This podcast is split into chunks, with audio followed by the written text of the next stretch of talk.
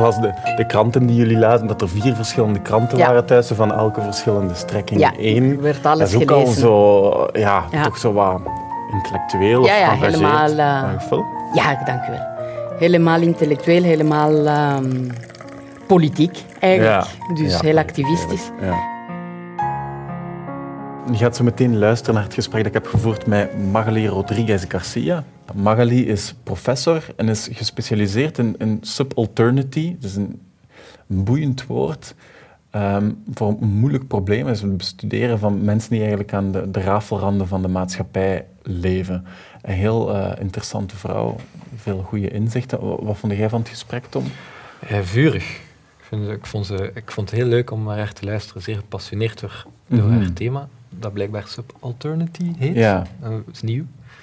Maar dat was wel wat er mij van bijgebleven was. Zo, ehm, ik denk dat de, de woorden eh, strijd om te bestaan of zo, of strijd om geformaliseerd te worden, Te mogen worden? te ja. mogen worden. Want als je niet geformaliseerd bent in onze wereld, dan bestaat je eigenlijk niet. Ja, gelijk bij sekswerkers. Ja, Ja. ja. en dan de link met de vakbond, waar dat ze op gedoctoreerd heeft, denk ik. Ja, Eh, waarvan dat we toch verwachten dat zij die strijd voeren. ja, blijkbaar niet. Blijkbaar niet. Ja, zeer boeiend eigenlijk. En ook een eh, eh, indrukwekkend persoonlijk verhaal.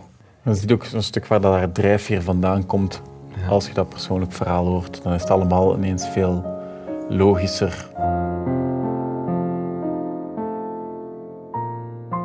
Nee, je had het zelf ook toch. een- Was was het een tante van u die, die naar, naar Colombia was? Naar, Zij was naar Colombia. Naar ja, Colombia ze is naar Colombia vertrokken. Ja. Ja. En daar waren er effectief geruchten dat zij een, een, een prostituee zou zijn. En die werd eh, dus verstoten van de familie. En we hebben het nooit geweten. Ik weet zelfs niet of ze nog leeft. hoe oud Dus- was je als je dat te weten kwam? Oh, heel vroeg, hè, want eh, die neef van mij is een van mijn oudste neven. Dus die, die- dat hij nu al eh, 65 is, denk ik. Hij is mijn neef, hè, dus... eh, eh, en... ehm, eh, dus van kleins af aan weet ik, wist ik, dus die jongen werd achtergelaten, letterlijk gewoon, de moeder, dat is zijn eerste herinnering, dat zijn moeder haar eh, spullen pakte en wegliep. Dus kun je je voorstellen wat, voor, wat dat moet doen met een eh, mensenleven? Dus die, die man, eh, die, die jongen was natuurlijk zwaar getraumatiseerd. Voornamelijk, ja, we spreken van dus, eh, eh, 65 jaar geleden, 60 jaar geleden. En ehm, conservatief Latijns-Amerika. En eh, ehm, dan werd die jongen als een bastard opgevoed. Dus hij werd gewoon naar de grootouders gestuurd, naar mijn grootmoeder. En, en, en die jongen werd gewoon door iedereen als een bastaard eh, gezien. Dus zeer zware problemen, eh, drugsproblematiek, van alles aan de, aan de gang. Dus ik ben eigenlijk opgegroeid met het idee van mijn neefje, raar geval, en, eh, en mijn tante, waarover we niemand over spreekt. Gewoon. Ah, dus ja, dat was die tante die gewoon een taboe... Ja, natuurlijk, en dat fascineert. Hè. Dat is zoals een eh, spook, bijna. Dus, en ik denk Had je ik- daar een oordeel over als je dan jong waart? ik niet. Nee? Ik niet. Nee, ik was gefascineerd. Ik was gefascineerd, dus iedereen had een oordeel over die, die Ja, vrouw. tuurlijk. En, eh, maar ik was vooral gefa- gefascineerd. Dus ik dacht van, wie is het toch? En, allee, hoe, hoe kom je daarop? Dus er waren verschillende zaken daarbij. Hè. Ten eerste de geru- het gerucht dat, dat ze een prostituee zou zijn. Ja, dat was al niet kosher. Ehm, Ook getrouwd, een kind eh, gehad. Dan weggelopen met eh, haar kind eh, achtergelaten. Dus een hele, een hele cocktail van fout gedrag. En eh, volgens mij is dus, ja, dat was mijn eerste contact. Ja, ehm, met die wereld daar ja, met die... dus met die wereld van prostitutie. Een andere, dat was ook heel grappig, een andere eh, voorval, contact met prostitutie, was, we gingen naar de kust, mijn moeder is van de kust. En we gingen naar de kust met de auto, met mijn eh, vader, mijn eh, oudere broer en ik. En wij onderweg, maar dat was in die tijd, dat was een rit van 10 uur, 12 uur onderweg. En dat was s'avonds. En dan in the middle of nowhere, in, eh, eh, tussen de, de bergen en de kust, auto kapot. Gewoon in pannen. En dus gewoon, ja, en in Ecuador in pannen, dat is dat... Dat is echt in pannen. Ja. Dat is echt in pannen, dat is het probleem. Dus wij, en ik weet dat nog, en ik was klein, en ik weet dat wij op zoek waren naar ja, ergens te slapen. En we zijn ergens terechtgekomen in een hotelletje, heel louche. Ik weet dan nog dat mijn moeder de dag daarna... Ja, van, je supergelovige moeder. Ja, mijn supergelovige moeder. Van aan niemand vertellen, aan niemand vertellen dat we hier hebben overnacht. In mijn herinnering waren de rode eh, eh, lichten Ja. Dat, was, dat, dat is zo. Ja, dat zijn zo de gloed. Heel veel rode lichten, ro- rood, paars en zo. Dus ik denk dat het een bordeel was. Zalig. ik denk dat we gewoon, gewoon in een of ander verlaten bordeel hebben overnacht. en mijn moeder natuurlijk in alle staten. En de dag daarna zou niemand vertellen. dat Ja, ja. Nou, ik was, dus ik zeg het, ik denk dat... Hoe oud eh, waren het toen? Oh, je moet vijf of zoiets, vijf, Ah ja, zes echt zo jaar. jong, ja. dus... eh, Ah, Het is voilà. wel interessant, omdat je zo, als je 14, 15 bent, dan krijg je normaal zo'n groot feest in Ecuador. Ja. Oh, hè, en waar dat je, eh, bijna zo duur als een trouwfeest, las ik. Ja. Ja, dus, en jij die zei, ja, ik moet dat geld niet hebben nu. Ja. Ik wil dat je het opzij zet, want op mijn 18 ben ik Ben hier ik weg. weg. Ja, migreer ik. Ja. Het is wel cool hoe dit dat zo precies zo al wat Ja, kiemt, zo vroeg al. Ja, ja, blijkbaar, dacht, hè. Ja. Uw tante toch zo wat Ja. iets is. Ja. Ja, ja, dus die nieuwsgierigheid was bij mij zeer vroeg aanwezig. Dus eh hier gewoon effectief van die rare zaken die ik meteen oppikte van, hm, dit is wel eh, interessant. Ja, Dus, ja, eh, ja. ja, dus... Voelde dat dan niet beklemmend waar dat je zat? Ah ja, dat is ook de reden. leefde, ja. Uiteraard, natuurlijk. En dat is ook de reden waarom dat ik dacht, zo van, ik ben hier weg. Hè. Dus op mijn veertiende. Dat, ik voelde, dat was geen bewuste keuze. Dat was niet, niet, ik ben hier weg en dan kom ik nooit meer terug. Dat was niet, niet zo gepland, maar het zat wel in mij. Natuurlijk, het was beklemmend. Natuurlijk, het feit dat je niet geen vragen kunt stellen. Ehm, dat je gewoon niet over durft te praten. Eh, ja, dat was natuurlijk. eh, dus enerzijds werd er heel veel gepraat als het ging over politiek, als het ging over sociale kwesties. Dat kon allemaal. Maar andere zaken in vraag stellen, over religie, ja, dat mocht helemaal niet in vraag gesteld worden. Ehm, Wat gebeurde er als je dat wel deed? Heb je dat geprobeerd dan? ik heb dat wel geprobeerd. En ik heb dat geprobeerd aan de hand van eh, Pink Floyd. Oké. dus het was, eh, ons Engels was erbarmelijk, maar ik had een, een, iemand ontmoet een, van een uitwisseling die heel goed Engels kon. En, ehm, en die gaf mij de, de lyrics van eh, The Wall. We don't need no education, we don't need eh, thought control. En ik vond dat geweldig. Ik vond dat geweldige tekst. En dacht ik, voilà, dit is wat ik nodig had. En ik had geen, niet, geen beter idee gevonden dan die tekst op het schoolbord eh, te schrijven. Maar ik was naar een katholiek. Ik ging naar een katholieke. Wanneer, wanneer doe je dat dan? Tussen pauze? was- Of tussen, wanneer raakte aan dat schoolbord? Je glipt binnen in de klas op Oh het ja, oh, dat tijdens geen de is. pauze gewoon. Hè. Dus dat is gewoon, eh, ja, gewoon om tien uur of zo, gewoon snel, snel, gewoon die tekst daar Zo. gezet. ja, het waren gewoon letterlijk, want ja, mijn Engels, ik zeg het. En, en het waren gewoon eh, heel veel van die leerkrachten, de meerderheid van die leerkrachten, die konden geen Engels. Ja. Maar natuurlijk, de, de leerkracht Engels wel. Dus eh, die komt binnen, en die ziet de tekst, ja, in shock natuurlijk. Dan naar de opperste, de non, gaan vertellen. Ja, en dan kreeg natuurlijk onder mijn voeten en dat was, moest ik naar huis gaan en dan mijn ouders. dus eh, eh, zo van die dingen, ja. Dus de rebellie zat erin.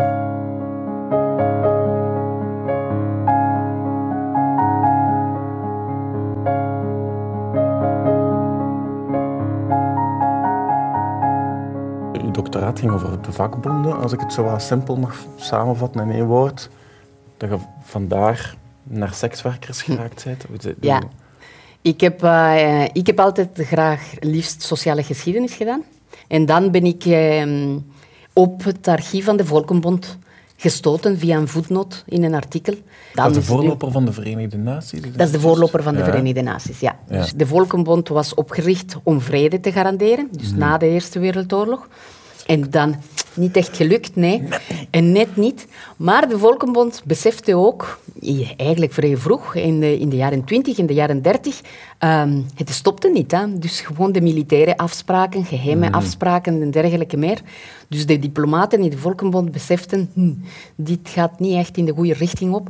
Ehm, Waardoor dat heel veel mensen heel veel tijd en ener- energie investeerden in sociale activiteiten, in humanitaire activiteiten. En dat is een verhaal dat, dat heel weinig gekend is. En dat is eigenlijk het deel van het verhaal, één deel van het verhaal, dat dat af van prostitutie is. Dus want het werk van de Volkenbond op dat vlak, op Ja. het niveau van mensenhandel, prostitutie, maar ook bijvoorbeeld kinderwelzijn, Ja. ehm, eh, cultureel erfgoed, de UNESCO bijvoorbeeld. Dat is eigenlijk werk dat door de Volkenbond werd voorbereid. Hè? Waar- waarom? Want ik snap niet goed waarom dat, dat het, het, het, het, het inzicht dat oorlog misschien toch terug gaat komen, of dat ze merkten dat, dat dat militaire maar bleef doorgaan, dat dat ervoor zorgde dat ze zich gingen focussen op het humanitaire. Sowieso ging het... Eh, van in het begin beseften ze wel van we moeten ervoor zorgen dat sociale vrede er is. Je moet niet vergeten in welke periode dat waren. 1917, Russische revolutie.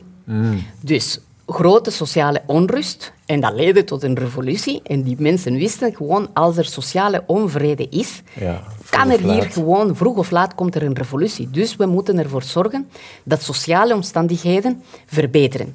1929, crisis, economische crisis, de cra- eh, crash van eh, Wall Street. Ja. Eh, dramatische sociale gevolgen. Dus zie je, en dat maakt dat mensen beginnen te beseffen, gewoon op het hoogste niveau, we moeten iets doen aan de erbarmelijke omstandigheden van mensen. Dus, en het is daardoor dat het sociaal werk, het humanitair werk, meer aan belang wint. Ja. En daarom gaan ze beginnen steeds meer te kijken naar die zaken. Het is ook wel cool dat dat zo lang sluimert. En om dan zo na de Tweede Wereldoorlog, dat we zo echt zo de, dus een sociale welvaartsstaat beginnen Ja. uit te bouwen, dat dat eigenlijk werk is dat begint in 1919, hè, of misschien zelfs vroeger. vroeger maar dat dat, zo, Ja. dat dat zo lang in stilte bijna voorbereid wordt of zo. Tuurlijk, tuurlijk. Dus het is gewoon een besef telkens. Eigenlijk, als je gewoon de, de wortels van sociale zekerheid, is eigenlijk eind 19e eeuw. En iets dat ook veel mensen niet graag toegeven, zeker aan de linkerzijde, het is eigenlijk conservatieven die daarmee begonnen. Bismarck. Otto von Bismarck. Dus niet, Ja? niet Hoezo? Echt, nee, de- niet echt een linkse rakker. Hè? Dus eh, eh, het was dat soort van, eh, van mensen die beseften, dus gewoon einde van de 19e eeuw, grote ook rond de jaren eh, 1870, Ja. economische crisis, opnieuw, economische crisis, dus sociale problemen. Vakbonden worden ook sterker. Anarchistische bewegingen worden ook eh, sterker. Politiek eh, terrorisme, anarchistisch terrorisme, wordt steeds eh, eh, gewoon prominenter. En dus ehm, conserv- eh, conservatieve politici, zoals Bismarck, beseffen, we moeten hier iets aan doen. En hij begint met een, een, een systeem uit te vinden van sociale zekerheid. Dus gewoon de eerste zaken van sociale zekerheid werden door Bismarck ehm, eh, gevonden. Natuurlijk ook aan de linkerzijde, hè, de vooruit, de plek waar we hier zijn, hè, die coöperatieven. Dat is allemaal eh, eh, in, in diezelfde periode, in diezelfde tijdsgeest. Maar de vrees van conservatieve politici was, als de socialisten en, en later sociaaldemocraten hier gewoon beginnen te domineren, ja, dan raken we gewoon ons, eh, ons, publiek, ons publiek, dan maken we onszelf overbodig. Dus laten we er zelf voor zorgen. Het Vaticaan, die denkt ex- exact hetzelfde. Dus eh, de, met de encycliek Rerum eh, Novarum Ja. ehm, beginnen ze ook vanuit het Vaticaan zo van, ja, maar ja, al die socialisten, laten we hier zelf voor zorgen. Hè? Dus zelf gewoon eh, zorgen dat onze gelovigen niet weg van ons lopen naar de socialisten, omdat ze beter voorzieningen ehm, hebben. Ja. Dus ze beginnen ook eh, met een sociaal beleid naar voren te schuiven. Cool. Ja. Dat is kei interessant. Mm. Ik zit te denken dat dat zo, dat begint elke keer zo rond een crisis. Het is al een paar keer dat, dat, dat we een tegenkomen, een economische crisis, en dat je dan die reactie Ja. daarop krijgt. En zo, mensen trekken meer naar de vakbonden, of de vakbonden worden sterker en eh, je krijgt meer anarchistische bewegingen. We hebben er nu zelf een achter de rug, die, Ja. niet, eh, die toch al een paar jaar geleden is ondertussen. Het lijkt niet dat dat aan het gebeuren is of zo, nu. Eh, nee, maar bon, je zou wel eh, denken, dus de stem op de twee extremen van het politieke eh, Ja. spectrum is een resultaat daarvan. Hè? Ja. Dus gewoon dat mensen dus de weglopen, bijvoorbeeld in Frankrijk is dat, eh, is dat heel mooi aangetoond, de leegloop van de communistische partij naar Front National, Ja. ja. dat is een teken aan de wand. Hè? Maar hier ook, hè? dus gewoon, wie zijn de eh, kiezers van Vlaams Blok in der tijd, Vlaams Belang? Dus in de jaren negentig was dat werd eigenlijk heel gelijkaardig als in Frankrijk. Hè? Dus gewoon de linkerzijde, dus gewoon de laagste lagen van de bevolking, die onthoger geraakten met klassieke eh, eh, linkse partijen en die wegliepen omdat ze gewoon zagen en extreem rechts profiteerde daarvan. Hè? Op dit moment. De verkiezingen van dit moment. Met welke programma is Vlaam, Vlaams Mhm. Ja, Belang? Heel sociaal, hè? sociaal, ja. Heel sociaal. Dus Dat is enerzijds... geniaal eigenlijk. Het is geniaal, hè? Ja. Het is gewoon op enerzijds extreemrechtse ideeën als het gaat over migratie en dergelijke meer. Ja. Maar op sociaal vlak, heel sociaal, hè? Dat gewoon heel veel mensen. Maar de PvdA ook, hè? Ja. Die hebben ook een, eh, hun eh, stemmen gehaald, hè? In Brussel, PTB, PvdA. Nou, het was een van de sterkste partijen, hè? Ja. Dus, eh, dus Ja, je ziet dat gewoon... ook, ja. En dat is op het moment dat het gewoon het centrum... En dat was, en, en dat was wat ze probeerden te doen met de, met de ontwikkeling van de christendemocratie. Was gewoon vanuit het centrum Mhm. Ja. iets proberen te ontwikkelen. Toen is dat gelukt. Ja. Dus gewoon- Ah, ja, want nu, het is dat ik zit te denken terwijl je vertelt, is nu... ehm, het lijkt alsof dat de partijen in het centrum denken dat ze de, van het Vlaams Belang de, de anti-migratiestandpunten moeten kopiëren, Ja. in plaats van de sociale. Ja. Terwijl als, als je ziet welke kiezers dat er daar naartoe lopen, dat je denkt, ja, maar je hebt het verkeerd voor. Ja. je kopieert de verkeerde Ja, dingen. ja, dat is pijnlijk. Dus dat is pijnlijk om te zien. Gewoon, en, en, het, ze lijken blijkbaar niet te beseffen dat aan de rechterzijde, het zit al vol. hè. Dus wat ga je daar nog zoeken? Ja. Dus, eh, eh, dus effectief gewoon niet luisteren naar gewoon waarom dat mensen op die partijen stemmen. Die sociale bezwanjes, die sociale bezorgdheden, die legitiem zijn. Hè? Mhm. Dus, en zelfs het migratiethema. Dus het is een legitieme vraag naar mijn aanvoelen. De, de maatschappij verandert wel degelijk. Hè? Mhm. Dus het is normaal als je gewoon als je samenstelling van je maatschappij verandert, dat mensen zenuwachtig worden. De mensen zijn dieren van gewoontes. En als er plotseling gewoon van alles en, en, en van alle kanten van alles. En nu zitten we in een situatie niet alleen van migratiegolven, maar alles, alles wat met sociale media te maken heeft, met technologische vooruitgang enzovoort en zo verder. Er verandert nogal wat. Hè? Dus gewoon dan, dan mensen worden zenuwachtig. En dat is iets dat de centrumpartijen blijkbaar niet zo goed doorhebben. Nee. Ja. nee of dat niet, niet snappen dat het, dat het ook of niet genoeg zo met simpele oplossingen komen gewoon. Of denken dat de oplossing simpel gaat zijn. Ja. Je ziet hoe moeilijk dat het allemaal Ja. is of zo. En erkennen dat het allemaal moeilijk is ook gewoon. Tuurlijk. En erkennen dat er zenuwachtigheid dat het normaal is, dat het mensen zenuwachtig worden. Dus eh, dat het gewoon plotseling verandert, het straatbeeld, plotseling veranderen de gewoontes. Ik werk nu- nauw samen met eh, sociale organisaties, dus voor een vak. En, eh, en echt, ik vind dat het meest revolutionaire vak dat ik heb in, eh, in Leuven. Dat is dus, ik stuur studenten op het veld. Dus het is een soort stage, dat heet service learning. Gewoon een beetje reclame maken voor mijn eigen vak. Nee, nee, doe maar. Dat heet ehm, service learning en dat is simpel voorgesteld is dat een soort stage met een hele sterke maatschappelijk engagement. Dus dat service learning ga je niet doen in de VRT, zeg maar, maar je gaat wel doen in een eh, NGO. Ja. Dus de bedoeling is dat die studenten iets betekenen voor die organisatie. En we werken heel nauw samen met het agentschap Integratie en Inburgering. Dus studenten gaan daar naartoe en die komen dus in contact met mensen die dat traject van inburgering eh, volgen. Dat is in Molenbeek. Alleen dat de studenten al in Molenbeek komen, dat vind ik al goed. dus dat, dat vind ik al eh, dat ze iets geleerd Zo, hebben. revolutionair. Dat is al iets.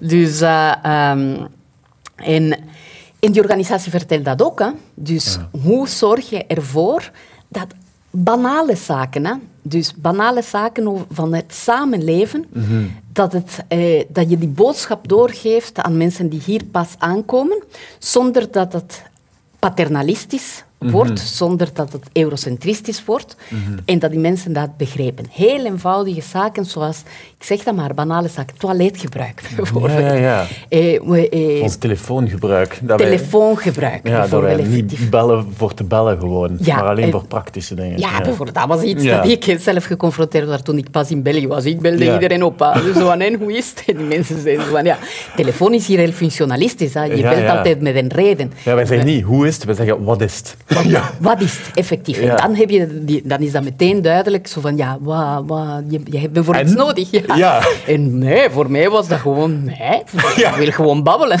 Dus, eh, ja, maar dan spreek je af in een café. Eh, dus je belt niet gewoon om te babbelen. Mhm. Eh, en daar bijvoorbeeld, in de trein, je merkt dat op, in de tram. Mhm. Zeker de trein, de rit Leuven-Brussel bijvoorbeeld. Je merkt dat gewoon, ja, muizenstil. En dan plotseling iemand van de Global South, die aan het bellen gewoon de hele rit eh, lang, zie je. Of muziek ja. opzet.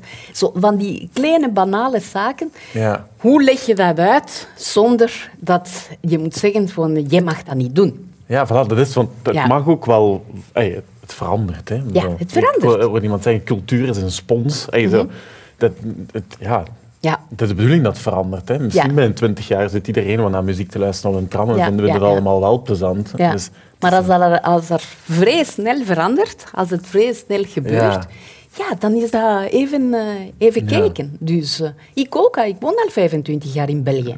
Dus ik ben, ik ben een Belg geworden. Mhm. Ja. Dus als ik effectief de, tra de tram neem, de tram is iets anders of de metro in Brussel, hè, Ja, dat, dat is gegarandeerd eh, meer beweging, ja, omdat het gewoon zo cosmopolitisch is. Ja. Maar de treinrit van Brussel naar Leuven, dat is stil. Ja. En als er iets stoort, ja, dan begin ik ook te kijken.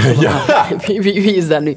Dus, dus ja, dan begrijp ik waarom dat mensen, zeker mensen die in kleinere steden wonen, Mhm. in dorpen, dat die effectief verschieten. Ja, ja. Dus, eh, dus daar moeten, denk ik wel, de centrumpartijen...